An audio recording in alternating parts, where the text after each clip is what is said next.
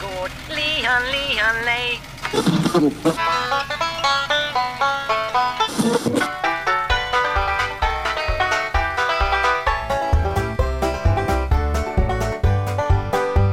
Hej på er allesammans och varmt välkomna till Bondepraktikan. Ytterligare ett magiskt avsnitt. Med er här är som vanligt Per-Ola Olsson direkt live från Skåne och jag Rickard Axdorff eh, lite live ifrån norra Närke. Bara lite live. Ja, men faktiskt. Det är det där med att ta död på sig själv återigen. Ja, men höll på att säga, det är ni så bra på i Örebro ändå, så menar du behöver fan inte hjälpa till där. Alltså på riktigt. Nu, nu skjuter de varandra hejvilt. Det är, nu är det snart på den nivån så folk hukar sig när man springer mellan, mellan butikerna uppe på stan liksom. Alltså jag, jag förstår inte. Alltså det, det som, det som alltså manar till lite liksom reflektion i det här, det är ju att hur många kriminella har vi egentligen? Jag menar alltså de skjuter av varandra på löpande band och de tar ju inte slut. Nej, nej men alltså det, det, det, det, är väl som så att eh, de kriminella gängen de söker sig från storstäderna till lite så här mellanstora städer med eh, klen styrning. Där man kan få härja fritt. Mm, det, det, är liksom, jag med, jag med. Ja, det är fegisar som styr. Som, som i Eh, Örebro. Ja, till exempel. Nu läste jag Expressen att eh, M Johansson tycker ju då att kommunerna gör för lite. Och då är det Morgan. extra roligt. Ja. Han tycker att kommunerna borde göra mer. De gick med vad det nu var, 59 miljarder plus. Och då borde man använda de pengarna för att bekämpa eh, eh, de här elementen. Det som är lite extra roligt är ju att han som styr i Örebro, han heter ju också Johansson. Så att Johansson är sur på Johansson och bägge är och det är sossar. Det låter som en pilsnerfilm med Johansson och Johansson. Johanssons jobb i svängarna. Johansson. Lite så, lite så. På tal om Morgan Johansson så, alltså jag sitter just nu och försöker, eller funderar på om jag ska eh, vara så pass omdömeslös så att jag avslutar min ledare om, som även, eller som rör Morgan Johansson med att skriva att, att eh, när korta män kastar långa skuggor i solen på väg ner. Åh, oh, ja, den är ju rolig. Det här med språk är ju kul. Jag gillade verkligen rubriken på eh, din text om eh, vad Centern eh, borde göra. Avlöfas. Avlöfas. Ja. Och jag bildsatte som sagt med ett besprutningsflygplan. Det där är lite intressant ändå eh, om, om det kommer att ske. Om, om du är startskottet för en avlöfning av Centerpartiet. Ja, jo men...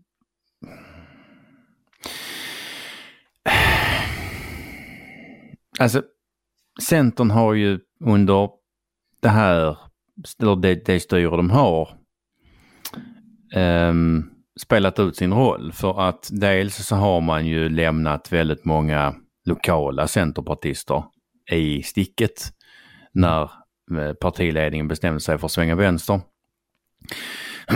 Dels så liksom, de har ju liksom ingen funktion. För man har de flesta, alltså de flesta som vill ha en socialdemokratisk regering, de röstar väl ändå på Socialdemokraterna samtidigt som att de som vill ha en borgerlig regering röstar på, på de borgerliga partierna. Jag tror att, alltså man har, de, de få, eller rättare sagt, det är ju så få som vill ha en, ha en socialdemokratisk regering som med stöd av Vänsterpartiet regerar på en borgerlig budget. Alltså de är ju så pass få så att det måste ju klassas som någon form av specialintresse. Jo, men alltså man, man blir ju onödig. Är det rätt ord? Ja, överflödig, onödig, redundant. Ja. Alltså jag kan komma Ja. på jättemånga sådana. ja. Möjligen är det startskottet vi har sett på det. Då. det ju, visst var det som så att sista opinionsmätningen så tappar man hälften ungefär? Ja. Mm. Det eh, gjorde man det, är det lägsta på sju år. Och man har det här, alltså det har ju funnits tecken på det här innan. Till exempel man har ju sett att, att förtro, alltså vad ska jag säga, förtroendet för Annie Lööf har ju ökat. Ja, när hon till exempel har varit barnledig och inte syns i rutan. Alltså det är ju jobbigt. Men det, samtidigt lite symptomatiskt för något sätt för, för hur, hur politiken har varit tidigare. Det har ju faktiskt funkat att inte göra någonting. Det är ju det som, eller det, just det här med att, att det har ju funkat att inte göra någonting, det är ju det till stor del det som har gjort att vi är här. Mm.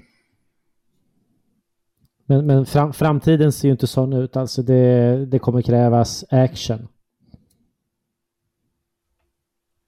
Ja, det kommer det göra, men alltså samtidigt action är ju, är ju um, både jobbet och, och problemet med att göra någonting det är ju att det ökar risken för att dels få kritik, dels för att göra fel.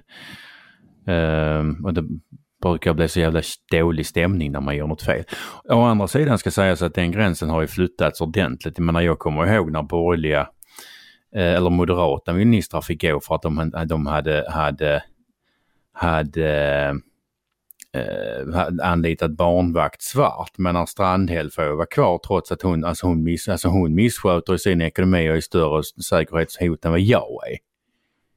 Ja, e- enligt vår vägförenings stadgar som då omsätter i storleksordningen eh, 80 000 om året så får hon inte en styrelsepost här.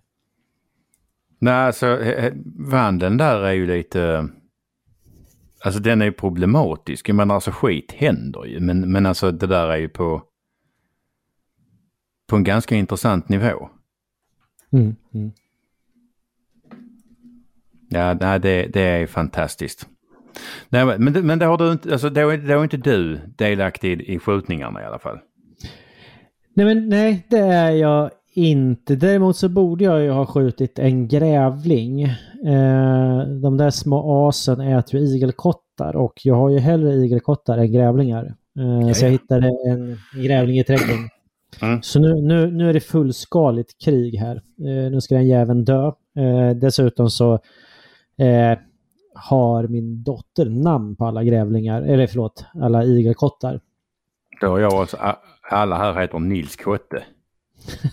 Nej, här heter de typ Caspian och, och sån här Pigge och vad fan de heter. Eh, så att, ja, eller om det var ekorre. Jag blandar ihop dem där hela tiden. Um, alltså jag tycker jag att då... Caspian är mer som en ekorre. Lite sådär spenslig, hoppig och lätt vilsen. Mm. Alltså, det, det, är rätt läskig, men det, det stämmer nog. För att så här, vi, vi, det här är många år sedan. Nu var vi uppe i en fårhag och fixade och donade lite grann och sen så Hilma kan väl ha varit sju kanske då. Eh, och säger till med att Häng med pappa så vi går och hälsa på Caspian.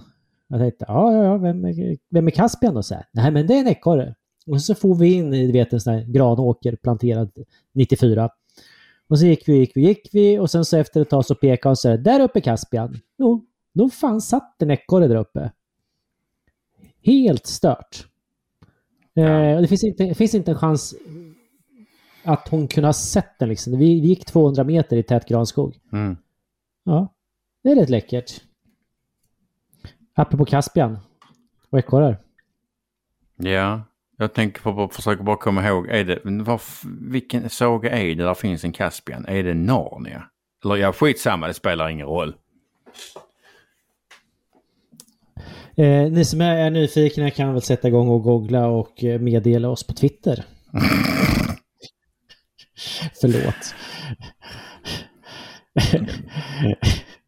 Nej. Vet du, vet Nej. du vad jag gjorde i helgen? På mors dag. Nej. Då ska jag, få, ska jag få lov att berätta det. Jo, det har ju börjat med att min fru fyllde år eh, och hennes kollegor eh, har ju då varit här och hälsat på och insett att vi har inga fågel, eh, vi har inga fåglar, inga höns, ingen, ingenting med vingar. Mm. Och det är en anledning, jag tycker inte om djur med vingar. Mm. Eh, men då, då har ju de känt sig nödgade. Ja men precis, vem gör det? De drar råttor, de luktar illa, ägg är gott, ja.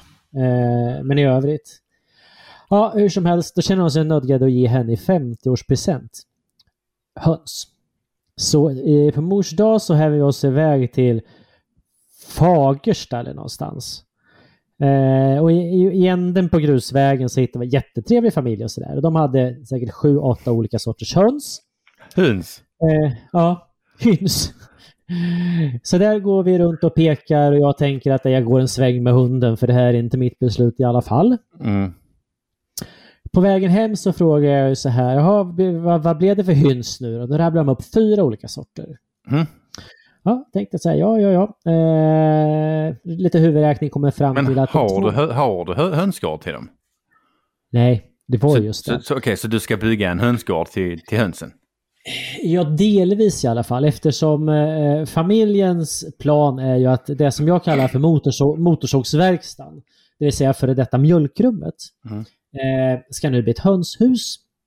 Så eh, där rök alla mina grejer, du vet en jättebra tung bänk man kan ha banka och slå med, eh, indragen el, bra lampa och belysning, man kan hålla lite varmt där inne, alltihopa det försvinner.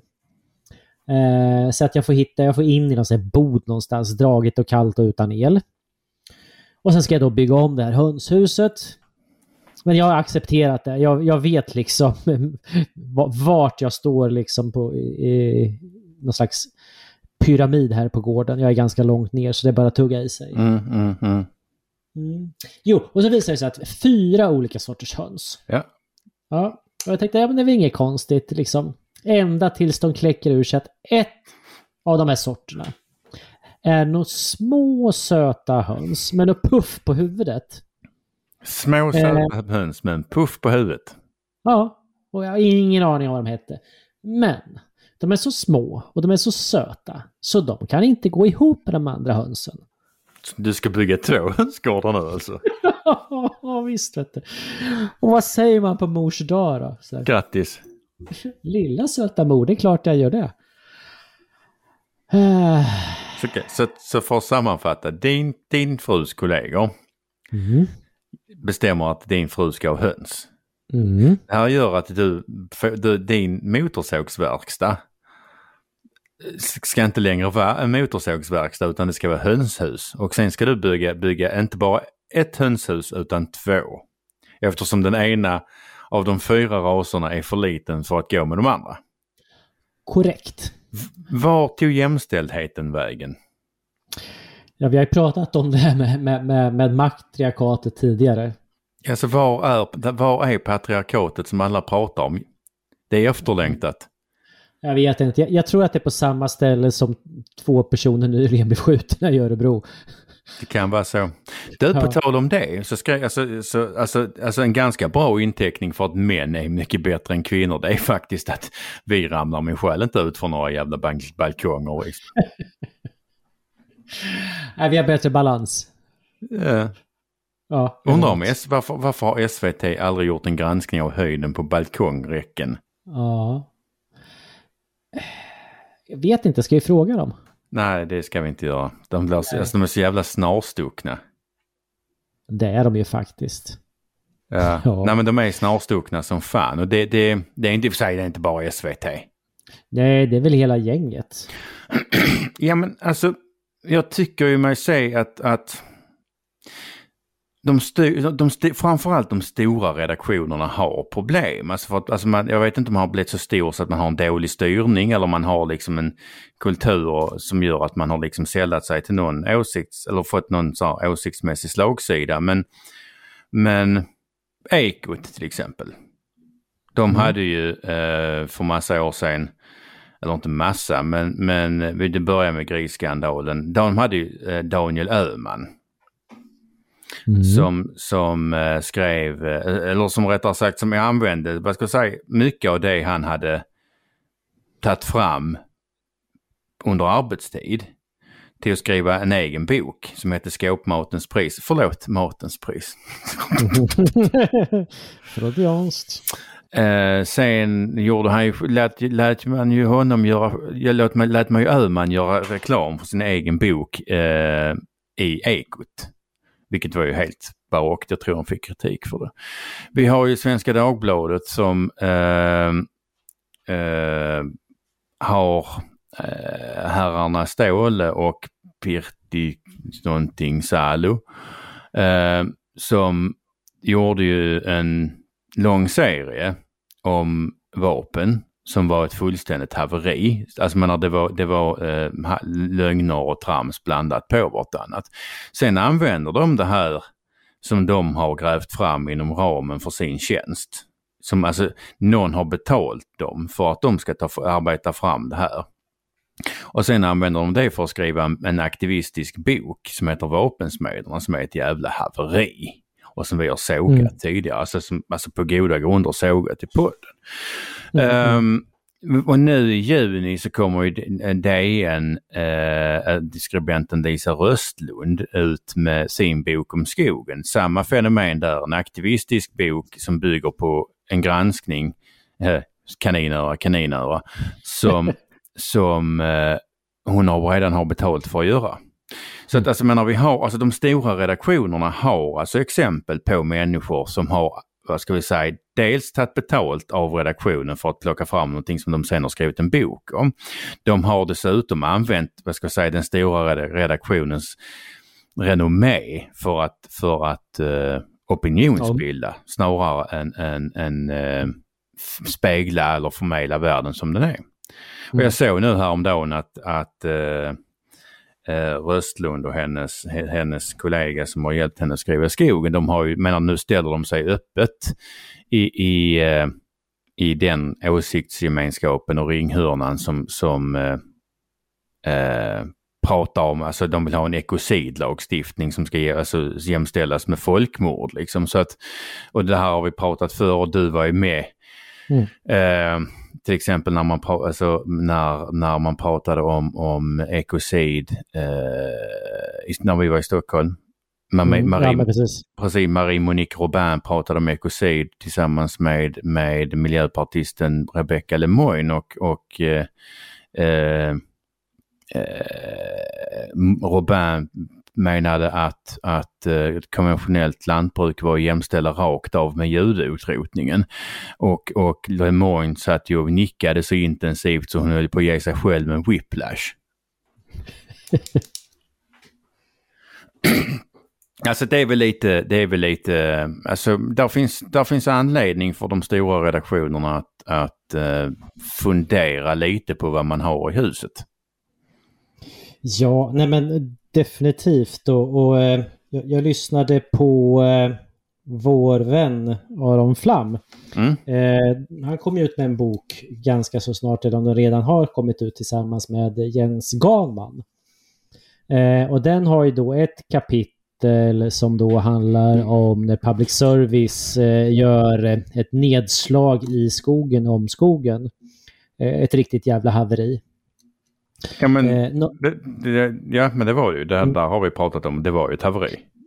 Ja, ja, det är totalt haveri och det har vi tagit upp tidigare. Men det, det som blir lite intressant och det, det har du och jag pratat om tidigare också, det är det här med, med vad ord betyder, ords innebörd. Eh, och när det, när det kommer in någon pajsare som, som Flamsnäs från sidan och tittar på det så blir det ju väldigt intressant därför att eh, han, han, han pratar om ordet eh, skogsplantager. Eh, och gör kopplingen till eh, plantage som i, i, att man då ska, ska tänka kring eh, slavdriveri och att det är den koppling man ska göra. Eh, vilket gör att det här med plantager får helt, man får helt andra bilder i huvudet. Mm. Jo, men... eh, vilket, vilket är intressant för att jag tror att gemene man kanske tänker på plantage ungefär som en, en odling. Eh, men om man lägger upp det på ett annorlunda sätt så blir plantager, alltså man kopplar till, till bomullsodling, slaveri. Eh, som vi tidigare nämnde, eh, det går att göra kopplingar till ekocida och nazismen och jämföra utrotning av judar med att man eh, avverkar skog och så vidare. Så det, det är ett kapitel som jag kommer läsa när jag får tillgång till boken, tänker jag. Mm, klokt. Mm. Eh, vad var det mer jag tänkte på? Jo, sen så eh, Svenska Dagbladet riskerar ju att förlora sitt pressstöd. Pratar de om idag. Eh, kan inte alla förlora sitt pressstöd? jo. Eh, Eller nu kanske jag sa något dumt med tanke på vilka jag jobbar för just nu, men skit i det. ja. å, å andra sidan, alltså det, alltså det, det, det, det Jag, redan, vi- jag, jag höll på att säga att det nog redan kostat dem ganska många miljoner så det är lugnt. Ja, ja, jo, men eh, då får vi väl hitta på en egen tidning. Det är väl inte värre i sådana fall. Nej, nej, alltså gud, jag kan, jag kan rensa avlopp. Ja, och, och jag kan eh, hugga träd och odla mark. Men det som var lite Hugga roligt med... träd, möjligtvis. Ja, det där med odla är jag ju faktiskt inte någon... Jag har odlat idag. Jag har planterat blommor. En halv hektar blommor, närmare bestämt. Nice. Ja, vi har... Eh, eh, arrendatorn var det, körde med traktor och fräste upp lite grann, eh, eller myrade upp lite grann. Och så, så gick jag bakom med en sån här, det är ett sån här gammaldags... Eh, vad kan det heta? Det är som en, det är som en rullebör, som en skottkärra. Och En, sen så ser- en, en, gam, en gammal sågmaskin. Ja, en sån, en, en frölåda. Mm, En frölåda på tvären liksom. Ja, jag Ja. med, jag med. Eh, så en sån har jag gått med och eh, handtrallat, kanske man inte säger, men i alla fall hand, handsått. Du har spridit din säd. Ja, faktiskt. Och det var en väldig massa kulörter på det i sådana fall. Mm, spännande. Ja. Ja. Nej, så att jag, jag har sått en halv hektar blommor idag. Eh, då undrar man ju när, när gjorde Jan det senast till exempel? Nej, det är en jävla bra fråga. Ja, för hur är det med Jan? Jan? Mm, heter han inte så? Jag har skrivit Jan här i mitt talschema. Jag vet inte vilken... Jo, men det är han, W. Vilken jävla Jan? Ja, så han! Vä- Varnven. Värnbäck. Just det. För jag bara kände att här, här går jag och gör någonting fysiskt. Det kostar mig pengar men det Du- skänker du- mig du- glädje. Rimligt så. Du kanske ska rekapitulera lite för det där var, alltså jag förstår men det, det, det var lite, det var lite lösryckt för de som lyssnar. Jo, eh, vi, vi, Jan är ju då en person som har, eh, ska vi kalla det för, åkt pingpong mellan olika typer av tjänster genom livet. Ibland för ideella organisationer och ibland för statliga myndigheter. Eh, De, ganska ofta så ger ju de där statliga myndigheterna eh, pengar till de där eh, organisationerna. Alltså det är ju ett problem att man hoppar pingpong emellan. Eh, och jag förstår att man har svårt att veta liksom, vem det är som betalar lönen eller vem det är man företräder från tid till annan. Mm. Ja. Jo, det, Eh. Jag vet inte, jo- jobbar han ideellt höll jag på att säga, men jobbar han för en organisation nu eller är han Nu är han statligt på Sida. Han är på Sida. Just det. eh, nere i vilket land det nu är. Afrika, Afrika någonstans. Just det. Ja, så kan det vara. Mm.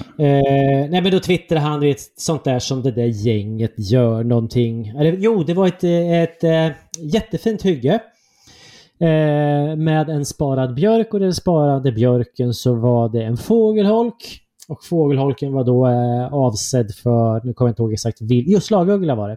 Mm. Och det här var ju då i Uppland om jag kommer ihåg rätt. Eh, ja, men det var ju då en hel harang om det onda skogsbruket som eh, mördar ugglor och förstör naturen och det ena med det sjunde och sådär. Eh, problemet i det här är ju rätt mycket. Till att börja med så det, det är ju inte någon av Jan och hans polare som har satt upp den där uggleholken utan det är ju markägaren själv. Mm. Eh, tittar man noga på bilden eh, så är det en uggleunge i holken. Så att tydligen så har ugglemamman inte läst eh, Jans inlägg. Åh gud, Ugglan har inte läst Jans inlägg och hon förstår inte eh, hur, hur, alltså, hur dåligt hon har det. Nej, nej, hon förstår inte vilken misär hon har råkat ut för. Eh, och dessutom så är Hon är ju så förtryckt så hon inte förstår det. Ja. Nej, hon har väl ingen röst i, i samhället. Hon har inte förstått att det är Jan som företräder henne. Ugglan behöver en vit man som, som förklarar för henne hur hon egentligen mår. Ungefär så. Ah, Jesus. Ja. Men nu ska vi säga här för alltså det kan, alltså säga här. Ja, det finns ju fler tokigheter i det här. Eh, ytterligare tokigheter är ju då liksom att eh, slagugglan den är ju då i Uppland och den är ju då klassad enligt rödlistan som eh, NE. Eh, NT, förlåt. Eh, vilket då betyder nearly threat. Alltså det, det, det, är, det är den lägsta graden för att komma in på listan. Det är typ jätteenkelt. Eh, så det här är ju inte något stort problem i ett större perspektiv. Dessutom så är ju det här liksom på utbredningsgränsen. Eh, så att om det inte hade funnits någon uggla där så är det inte konstigt för att det är väl kanske inte rätt, det är egentligen inte naturligt för att de var så långt söderut. Eh, sen så föredrar ju ugglan att vara i beståndskanter. Mm. Och den här eh, Så det satt jag Björ, björken är ju det. Den sitter helt rätt. Mm. Så det är alla rätt gjorda. Så det enda som Jan lyckas med, det är ju faktiskt att vi som markägare låter bli att sätta upp den där jävla holken. För att det är inte speciellt kul att bli utmålad som en idiot som är inte förstår någonting. Så då kan man lika gärna låta bli. Men det, så det det- är ju rimligt ju. Ja men, Jag försöker. De- ja, men Jan sitter där och dödar ugglor. Det är vad som händer. Det är ju Det har- rimligt. Jag kom, alltså, fan, jag, jag, försöker komma ihåg nu här att fa, visst fan satt Jan på ett WWF-mandat i Chemsex styrelse. Alltså Chemsec är ju, alltså finansieras ju, alltså till största delen av bidrag för Kemikalieinspektionen som, eh, och är en, stats, är en statsfinansierad kopia av bland annat WWF och Jordens vänner och de Jönsarna. Mm. Mm. Kemi lyder under miljödepartementet där Jan Bäck, eller Jan Bäck, Jan Wernbäck jobbade innan. Mm. Ja, alltså det, det är sån jävla inavel. Det, Vi, vi kan väl kalla, vi kan väl nöja oss med att kalla det för öppna skott. jag, jag, jag var föreläste på jordägar, jordägarnas årsmöte och tackade för att jag fick komma på deras släktkalas. Apropå det där. Oj då. Eh, men de är ju trevliga. det var faktiskt, alltså det var, alltså det var en jävla kränkning ju. Ja, jag fick inga applåder. Jag tyckte själv att det var lite Ja, roligt. jag tyckte det var jättekul ju. Ja, jag är god vän med många av de där, men eh, nej, det drog inga applåder. Blev de arga alltså? Nej, men det är väl lite känsligt sådär. Mm. Kan vara det ibland. Ska vi fortsätta prata skog lite till känner jag? Är det Jag okej gör det. Ja, ja, ja, gud ja. Du Ja. får prata hur mycket du vill. Jag, Eh, för det, det, det, vi, vi har en professor i detta land. Professor, ja men en, en väldigt, väldigt bra. Professor Thomas Lundmark. Han, han, han är skoglig professor på Sveriges lantbruksuniversitet och han, han är väl bäst i Sverige på, på sin sak. Och i och med det så är ju han inte bara bäst i Sverige utan bäst i Europa och bäst i världen. Mm. Eh, och han är ju då professor, det vill säga han är publicerad, han har uppnått någon typ av trovärdighet och han brottas då med det här goda gänget som vi pratade om tidigare. De här som har suttit på en studiecirkel och hört någon säga någonting i några aktivistkretsar och sen så tar det för en sanning. Eh, han har ju då... du menar eh, DN? ja, precis. DN. DN-gänget. Mm. Jo, och han, han har ju då eh, studerat vad som kommer ifrån Bryssel. Eh, och hans slutsats är att svensk skogsproduktion kommer att minska med storleksordningen 30 till 40 procent. Har du någon Ja, det har du naturligtvis. Men förstår du magnituden ute vilket jävla elände som är på väg in i landet? 30 till 40 procent av produktionen. Det är ju helt, det är ju helt makalöst. Alltså det här är ju ett statligt övertagande, ett överstatligt övertagande av privat egendom ut, utan eh, att använda vapen. Ja, och man gör inte ens något vettigt med det ju. Alltså du, du, Nej. tar, du tar ju människors livsverk och försörjning Mm. och fördärvar det. Mm. För att. Mm. Eh, alltså missförstår man inte, alltså missförstår man inte här, men, men alltså om vi tittar på jordbruket, för alltså skogen är, alltså, så, så, Mm. så var det ändå en jävla tur i oturen att kriget i Ukraina kom nu och inte sen. Mm. När EU-kommissionen hade hunnit förstöra hela EUs eller, eh, jordbruk. Mm, mm. Det, Ja men det, definitivt. Definitivt. alltså, det, det, det, jag, jag förstår, man kan missförstå mig, men, men då, får man, då gör, man det, gör man det med flit eller för att man är dum i huvudet. Men som sagt, det var tur i oturen att kriget kom nu och inte senare. För att alltså den 23 mars så skulle ju skulle egentligen kommissionen eh, presentera ett nytt hållbarhetsdirektiv. Eh, nej, en förordning. En förordning. Eh, för de vill inte köra det som direktiv för att undvika inspel. Eh, det, hade, alltså det, det hade ju förstört svenskt lantbruk, alltså, eller europeiskt lantbruk med, med de, de målen de hade med bland annat minskad växtskyddsmedelsanvändning. Eh, nu släppte man det inte eftersom man insåg att vi, har, vi kan ju liksom inte, alltså vi kan inte låta andra länder, där finns inte utrymme för att låta andra länder torka upp vår skit numera. Så att det, det var ändå tur i oturen. Ja, alltså eh, just nu är det ju inte speciellt populärt. Alltså, man, man, man kan väl ändå anta att människor kommer gå runt och inte vara mm, proppmätta jämt och ständigt i en ganska så nära framtid. Det finns ganska Eh. många som inte är det redan nu. Ja, du tänker på de som inte bor i Skåne. Mm, de som bor.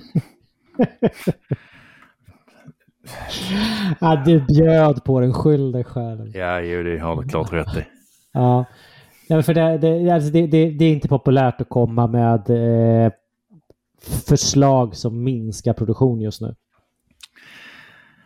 Nej, och det, alltså problemet att det, man, alltså rättare sagt, men det har, att det har varit innan har ju berott på att, att vi har liksom kunnat låta andra länder producera det vi inte producerar då. Mm. Jo men precis, men sa- samtidigt så är det liksom, det, det är en rätt stor besvikelse på liksom att det finns ju rätt många som under lång tid borde ha försvarat en del av svenska folkets rättigheter i form av ägande och brukanderätt. Men som på gång efter gång misslyckas. Jag, jag kan inte komma ihåg en enda framgång. Har du förresten sett Moderaternas 24, vad fan jag tror var 24-punktsprogram mot hybridkrigföring? Jag visste inte ens att det existerade. Läs det inte. Nej. Jag lovar. Du kommer, alltså du, kommer, du kommer uppleva så stor sekundär skam att det blir svårt för dig att fortsätta arbeta. Alltså, eh, när man arbetar som politisk tjänsteman för Moderaterna kommunalt, då är det kommunala frågor vi, vi, vi ägnar oss åt. Eller åtminstone jag. Okej, jag köper det. Det var en snygg Mm. räddning, det måste man ge dig. Ja, ja men jag försöker. Ja. Jag försöker, ja. Äh, så att, eh, jag, jag är lite förbannad på de som inte har försvarat vår äganderätt i Bryssel och låter detta ske. Jag men, hur, jag men, hur i helvete kan man ha en hel skogsindustri som liksom självfinansierar eh, investeringar på 5 till 10 miljarder på ett par år men inte klarar av att driva en lobbyverksamhet värd namnet? Men var det inte sko skogen som, som, alltså, som hyrde in den där alltså, eh, eh, reklambyrån som var typ två brudar och en, en iPad? Jo, precis. Och, och eh, utav fyra av fem eh, projekt de körde slog fel. Eh, jag har för mig att de har lagt 200 miljoner, kanske 250 miljoner på reklam i Sverige. Eh, I stort sett bara down the drain. Häftigt. Helt galet. Ja, så att de är jag förbannad på. Men är du, jag har inte dödat någonting, men du kanske är arg på någonting?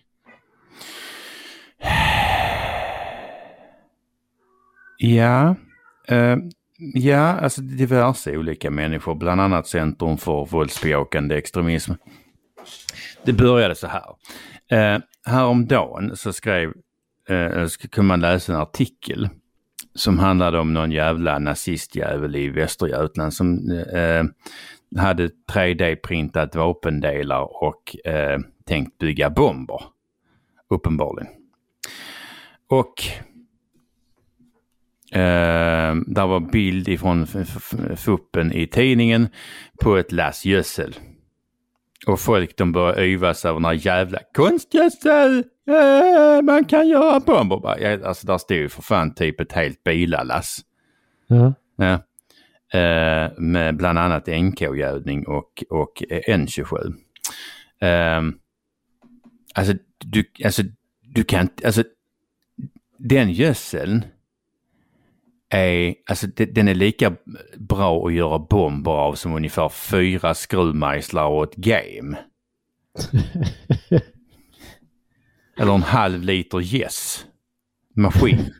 Alltså, alltså, alltså, alltså inte ens nazister är så jävla dumma så att de köper liksom ett billass med gödning av den absolut dyraste sorten som du inte ens kan bygga i bomber av. Men folk de fortsatte yvas över gödsel och jag på, var på jag påpekade, alltså, menar, alltså till början, men så att alltså, man får åklagarjäveln lä, läsa på lite ju.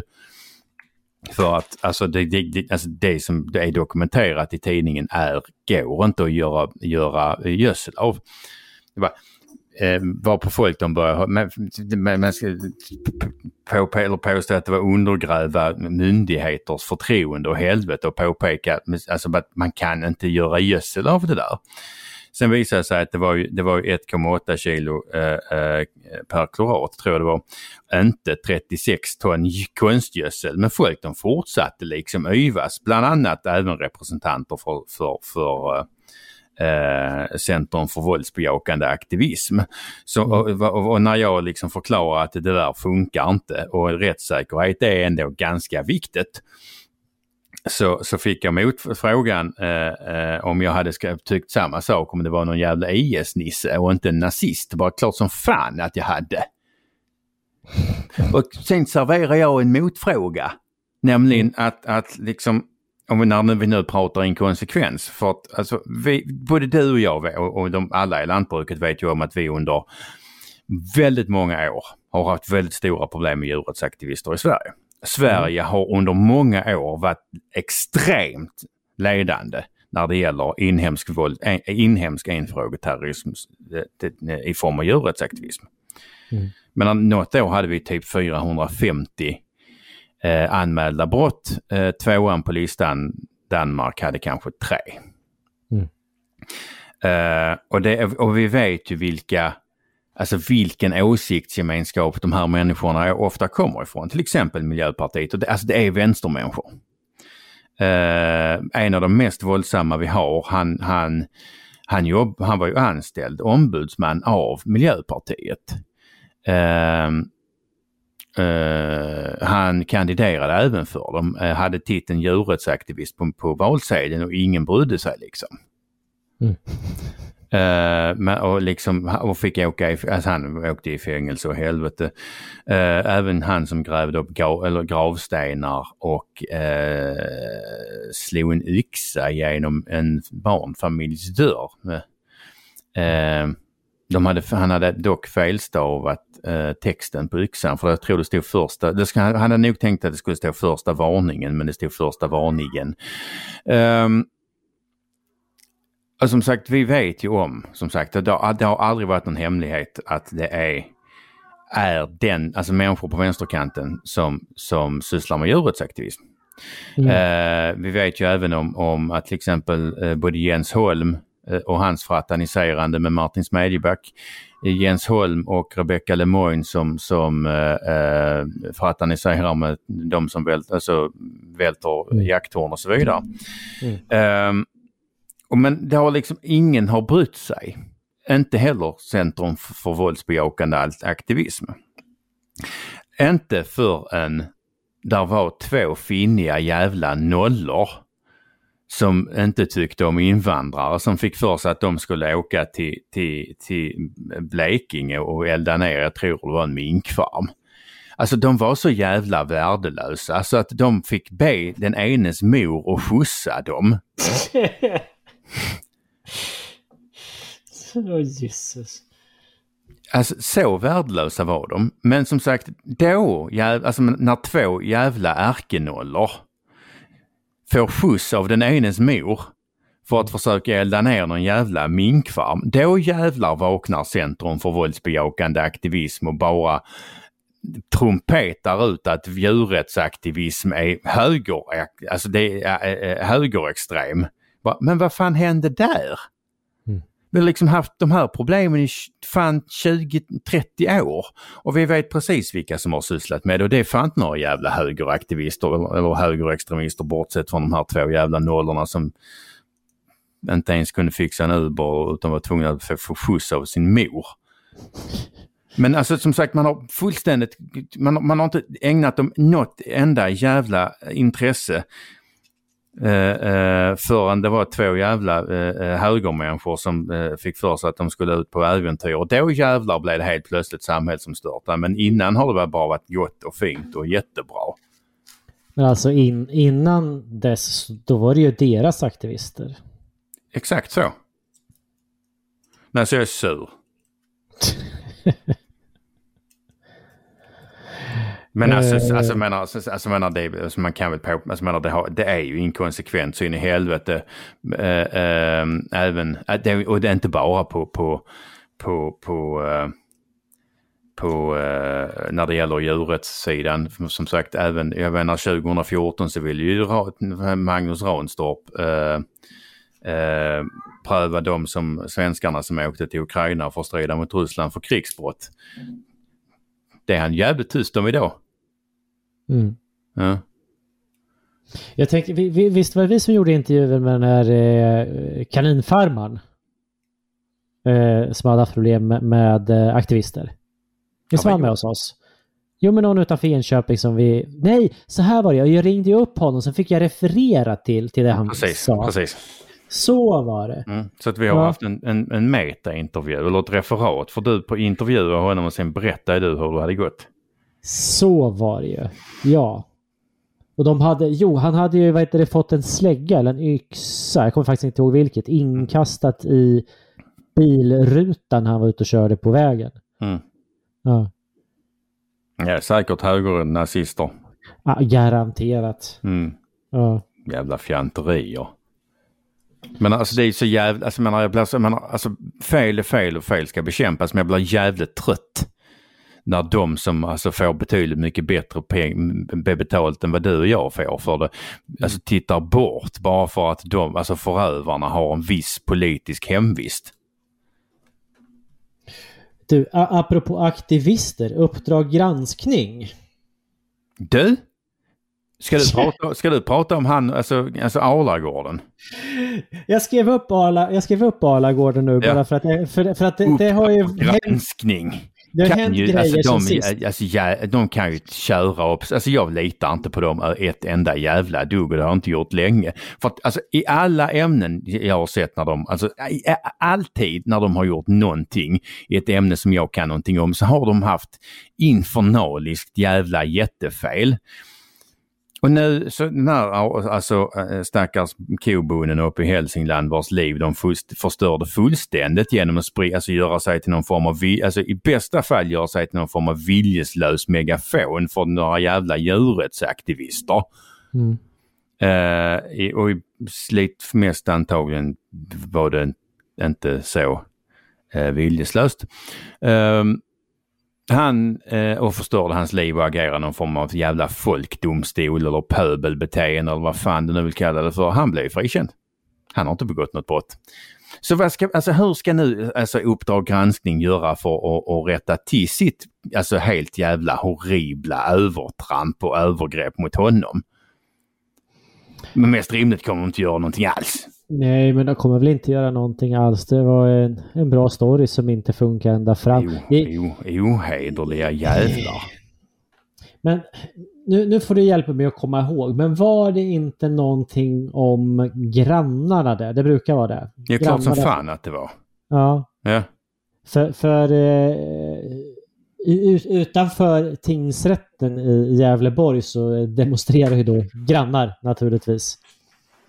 Eh, och tyckte att eh, ja, de har kämpat nu i tio år för att få stopp på... på, alltså, om du, men alltså om du behöver kämpa i tio år då är det för fan inget fel. Nej. Kolhuen. Ja, och, och nu, nu, ska jag säga att jag har inte läst hela domen och sådär. Eh, men utav det som jag har tagit del av eh, så är ju det rejält nedslående mot åklagaren. Ja, det var rejält. Alltså det var, alltså, det var rejält, men det är alltså så, den där förundersökningen och den där Alltså, alltså det som kommer där, alltså kan ha kommit till tingsrätten, det, det skiljer sig inte i någon större utsträckning. Inte, det är i alla fall inte sämre än det som förvaltningsrätterna fattar beslut för det på och det som länsstyrelserna fattar beslut för. Det är liksom i allt väsentligt ett under, undermåligt och inte rättssäkert material som man fattar beslut för. Och pro problemet är att alltså, det är bara tingsrätterna som inser det här. Ibland. Mm. Mm. Förvaltningsrätterna gör det inte för de är värdelösa allihopa. De skulle läggas ner. De är chimär. De är liksom... Vet du, hur, vet, du, vet du förresten hur ofta förvaltningsrätterna ger myndigheterna bakläxa? Nej. I hur många fall? Gissa. Säg en procentsats. Du får två, tre gissningar. Jag tror att det är korrekt. Två av tio, två av tio är korrekta. Nu, nu pratar vi inte om korrekta, utan hur ofta ändrar förvaltningsrätterna ett myndighetsbeslut? Mm, åtta av tio gånger. Nej, för fan. Förvaltningsrätterna, de går ju på allt. De, de är ju till för att ge alltså, den enskilde någon form av intryck att han har någon form av chans. Så är ju inte fallet. Förvaltningsrätterna är till för att upprätthålla alltså, någon form av bild av myndigheternas oförvitlighet. 2% av fallen ger de myndigheterna bakläxa. 2% av fallen? Och ofta, och, och ofta på ett material som, när det, som, som så, när det kommer till tingsrätten befinns som helt omöjligt att döma på. Far åt helvete. Ja. Ja, vad säger man? Att det var ju kul det här. det var ju kul det här. Eh, alltså jag, jag ägnade mig åt att eh, mellan, läsa samtliga domar som handlade om grovt jaktbrott mellan do, domar som var då dömda 2008 till 2018 om jag kommer ihåg rätt. Och det var ju rätt slående hur lättvindigt man eh, reser åtal. Mm. Eh, jag sitter nu och försöker leta efter dokumentet. Eh, bara för att få siffror på det. Men, men alltså fritt ur huvudet så om eh, en åklagare i normala fall eh, väcker åtal fyra av tio gånger så gjorde miljöåklagarna, remåklagarna, alltså de som har hand om grova jaktbrott, eh, dubbelt så ofta, alltså åtta av tio gånger. Eh, men Eh, även att man lyfte 8 av 10 gånger så, så eh, kunde man ju vinna betydligt, betydligt färre gånger. Eh, så att det, det, det, var, det var verkligen slående liksom att man, man använder sig av rättegången som en del av straffet. Ja, ja. Det är klart. Mm, vi ska se, här dyker upp något dokument. Det kanske är jätteroligt att lyssna på. Nej, jag har tröttnat för länge sedan. jag med. Eh, jo, så här, endast i, i, i två av tolv domar, alltså 25 procent, så finner man vad som i dagligt tal kan betraktas som grovt jaktbrott. Alltså bara i, i om man om, om, om, om man hade ja alltså var fjärde gång mm. man gick till domstol så vann man. Mm. Eh, och det är väldigt, väldigt lågt. Alltså, man ska inte gå till domstol. Du ska inte väcka åtal om det är så dåligt. Nej, precis. Då ska du låta bli. Mm. Mm. Det här var en bra utredning jag gjorde. Jag sitter och läser det nu. Mm, du, du ut som ödmjuk. I vilket fall som helst, nu tycker jag att vi eh, avslutar för idag. Det, det tycker jag med. Det här var ett trevligt samtal. Hoppas att andra tyckte det också. Det är helt, det skulle förvåna mig. Men i vilket fall som helst så har du lyssnat på ytterligare ett Helt fantastiskt avsnitt av Bondepraktikan. Idag har Rickard varit arg på ganska mycket faktiskt. Mer än vad jag har varit arg på. Jag och å andra sidan varit arg på lite mer legitima saker. Vi har dessutom diskuterat om hur många brottslingar som finns i Sverige eftersom de skjuter varandra hela tiden. Och de tar aldrig slut. Vi har även pratat om höns. Och med det säger Rickard Axdorff och jag Per-Ola Olsson tjingeling. Tjingeling!